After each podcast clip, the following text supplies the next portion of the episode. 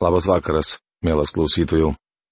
Šiandien toliau keliaujame Biblijos puslapiais, Senuoju testamentu ir šiandien pradėsime, bet nebaigsime patarlių knygos 30 skyriaus apžvalgos.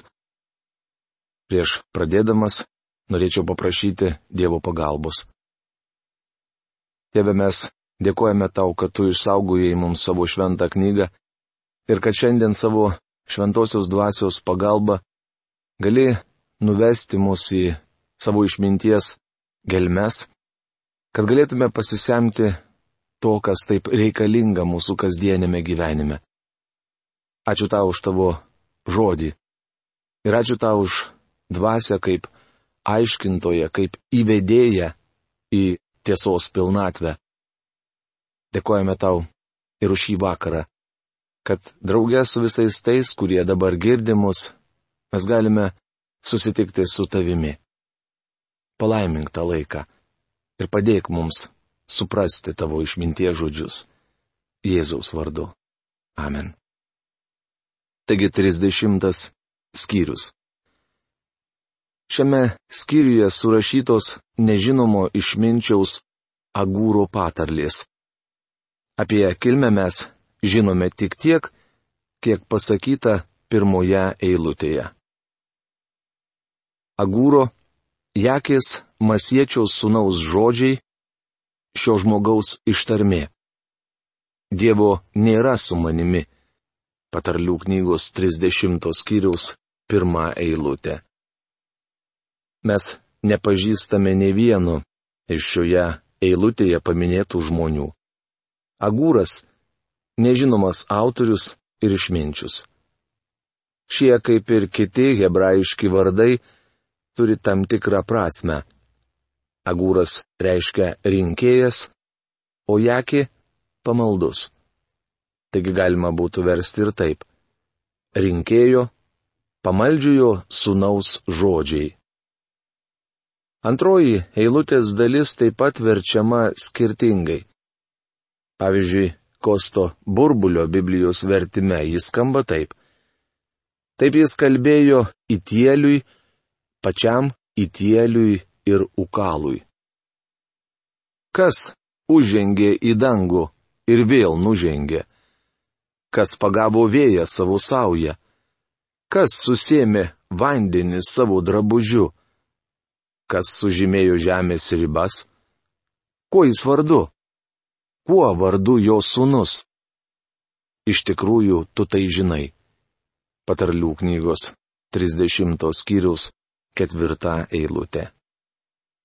Kosto burbulio Biblijos vertime ši eilutė baigiama klausimu, kuo vardu jis ir jo sūnus?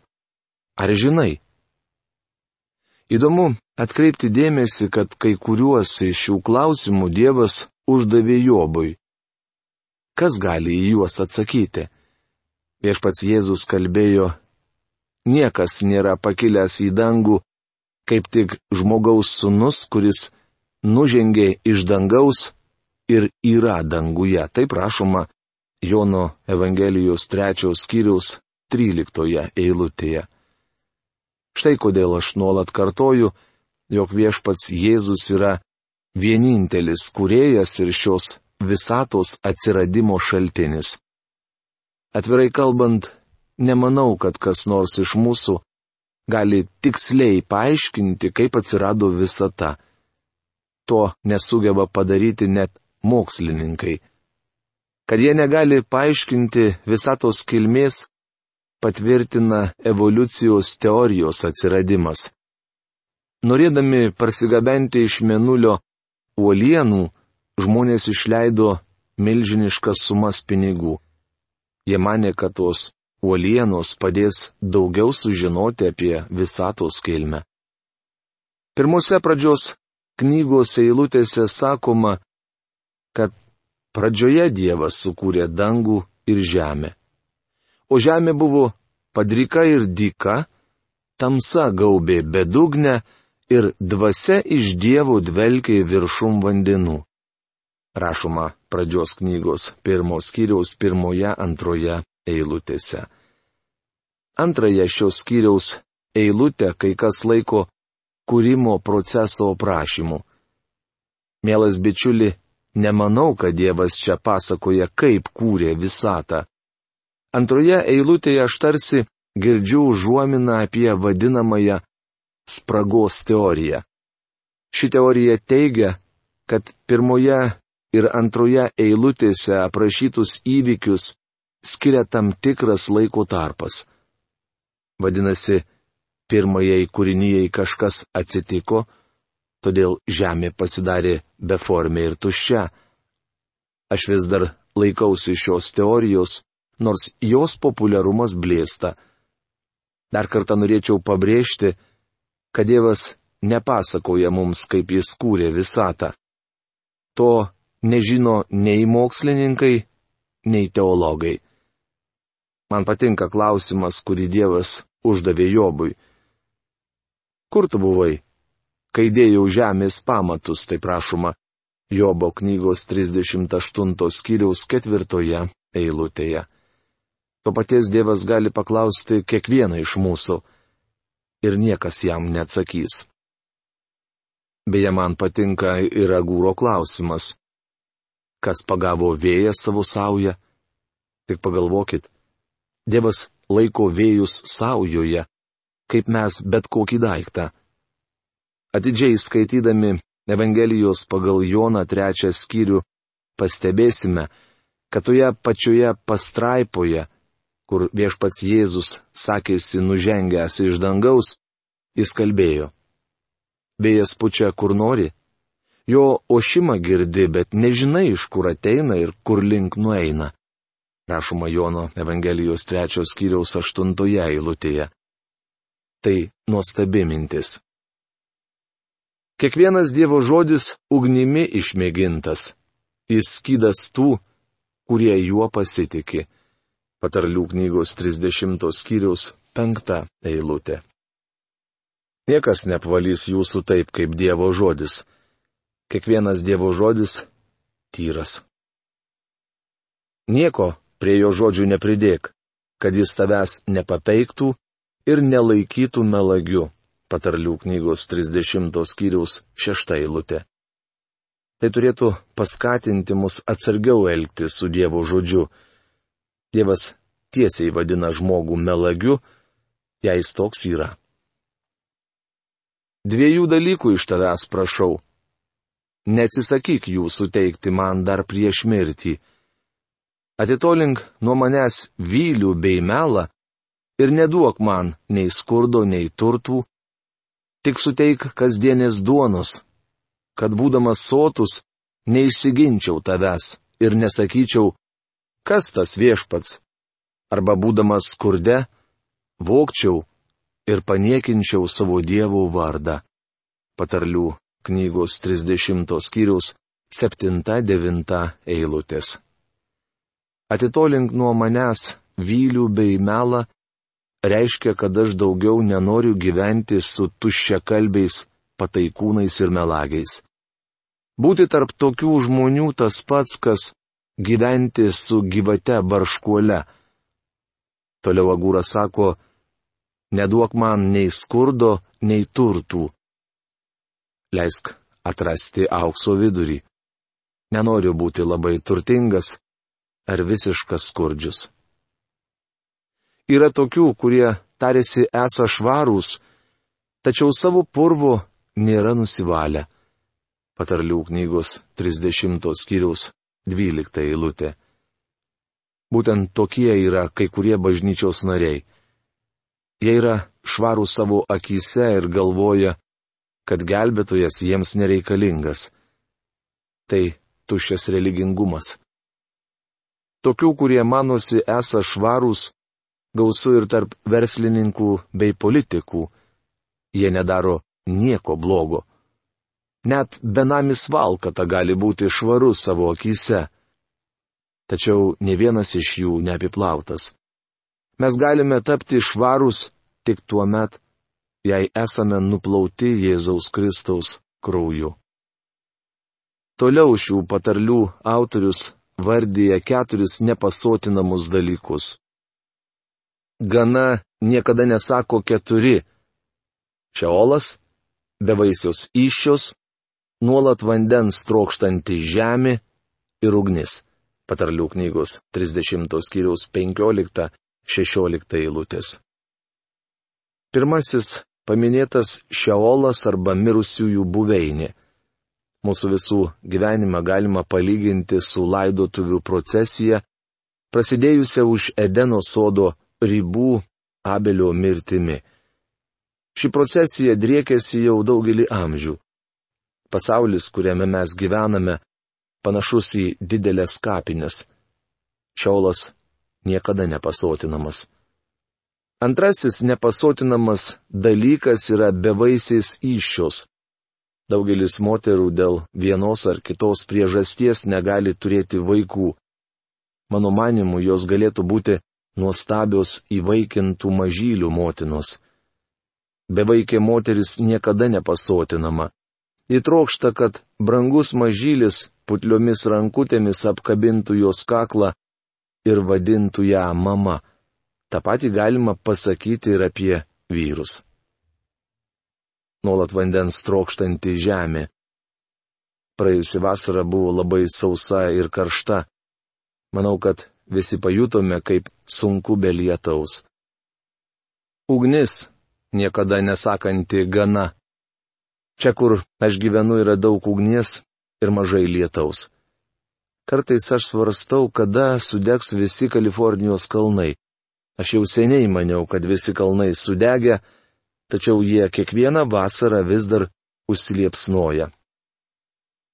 Akis, kuri tyčiojasi iš savo tėvo ir niekina savo seną motiną, bus slėnio kranklių iškapota ir erelio jauniklių sulesta patarlių knygos 30 skyriaus 17 eilutė. Siaubingos bausmės žadamos tiems, kurie atsigrėžia prieš savo tėvą ir motiną. Te pasigaili Dievas jaunų žmonių, kurie šiandien niekina savo tikinčius tėvus. Trys dalykai man perdėjim nuostabus ir keturių iš tikrųjų negaliu suprasti. Kaip erelis skrenda padangėmis, kaip žalty išliaužia statmena uola, kaip laivas plaukia plačia jūra ir kaip vaikinas randa kelią pas merginą. Patarlių knygos 30 skyriaus 18-19 eilutės. Šie dalykai kėlė nuostabą ne tik patarlių autoriui Agūrui, bet kelia ir man. Ar susimastėte apie tai, matydami danguje sklandantį erelį? Ar jums nekelia nuostabos statmena uola, šliaužianti žaltys, o jūra plaukiantis laivas? Prieš daugelį metų plaukiau per Atlantą laivų karalienė Marija ir negalėjau atsistebėti, kaip tas milžiniškas metalo gabalas gali išsilaikyti vandens paviršiuje. Galiausiai patarlių autorius stebisi, kaip vaikinas randa kelią pas merginą. Šiandien daug kalbama apie seksą. Tačiau ar pastebėjote, kaip nejaukiai jaučiasi berniukas mergaitės draugijoje? Kai jie susitinka, abu būna šiek tiek sutrikę. Aš puikiai prisimenu savo pirmą pasimatymą. Man buvo 14 metų ir aš dar nebuvau išgelbėtas.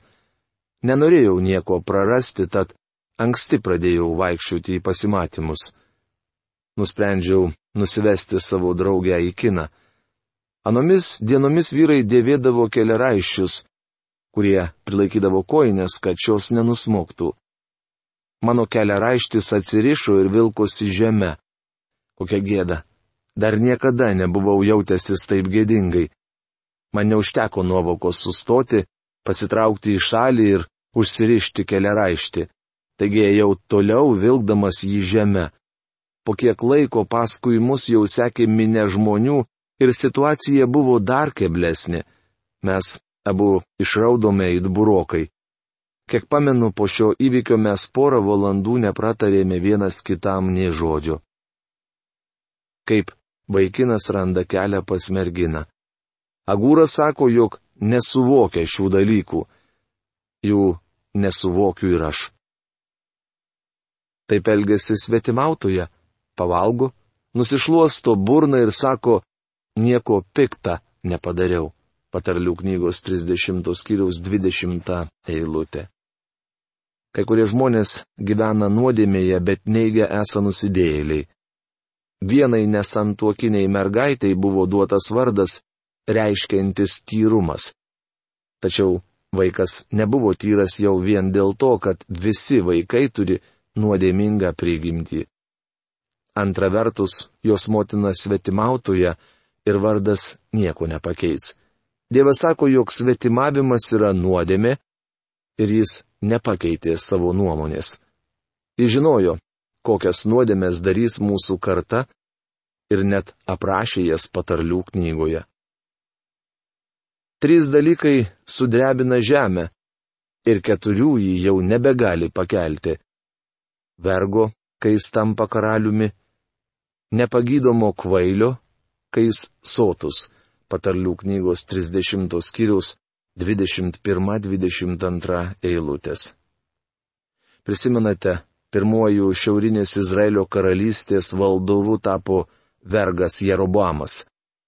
Mūsų viešpats minėjo turtuolį, kuris ketino pasistatyti didesnius klojimus ir visiškai nesirūpino amžinybę.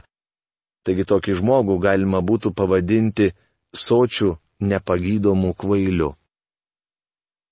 Trečiasis dalykas - bjaurios moters, kai ji išteka, ir vergės, kai ji užima šeimininkės vietą. Patarlių knygos 30 skyriaus 23 eilutė.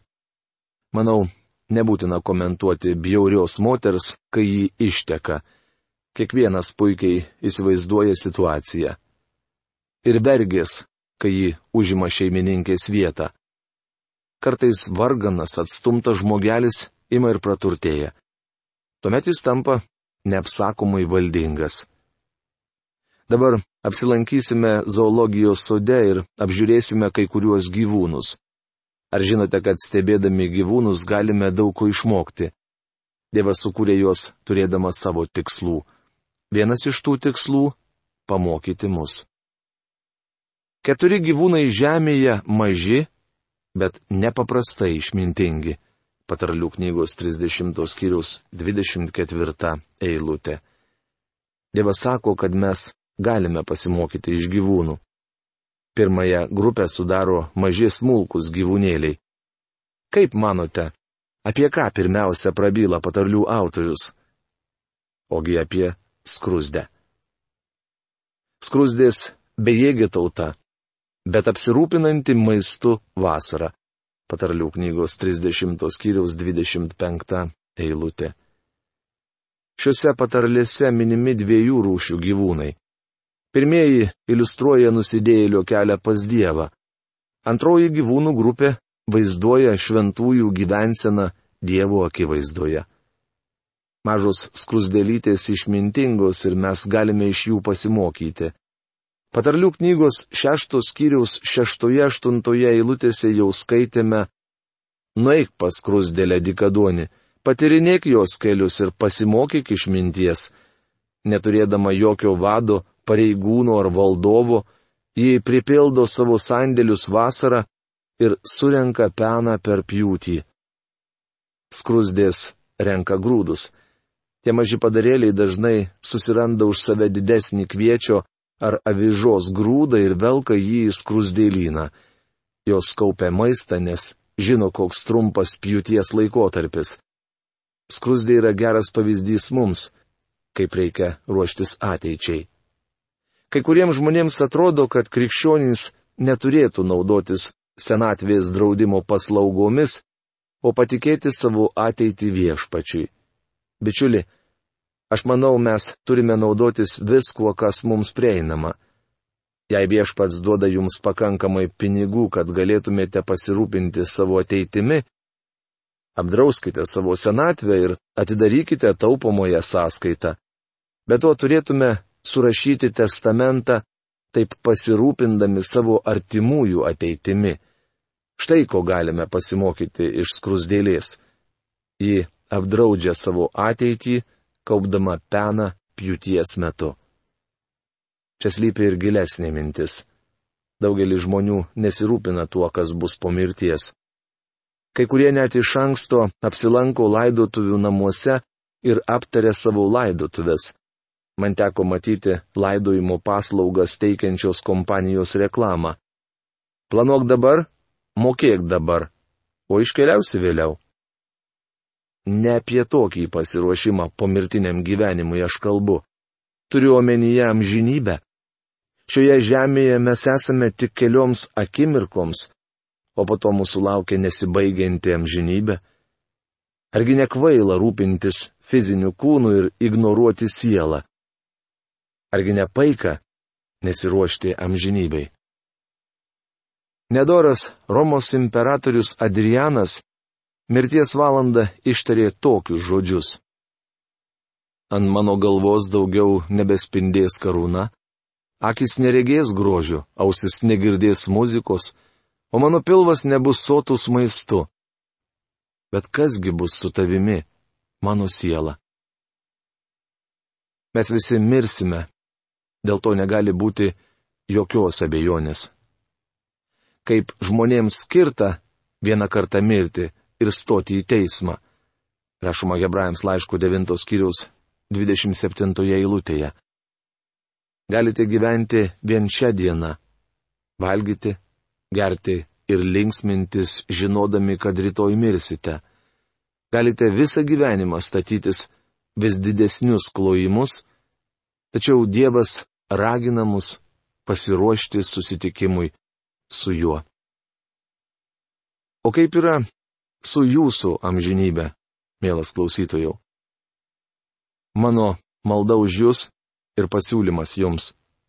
Susimastyti dabar, šiandien ir netidėti to laikui, kurio galite nesulaukti. Iki malonaus susitikimo. Sudė.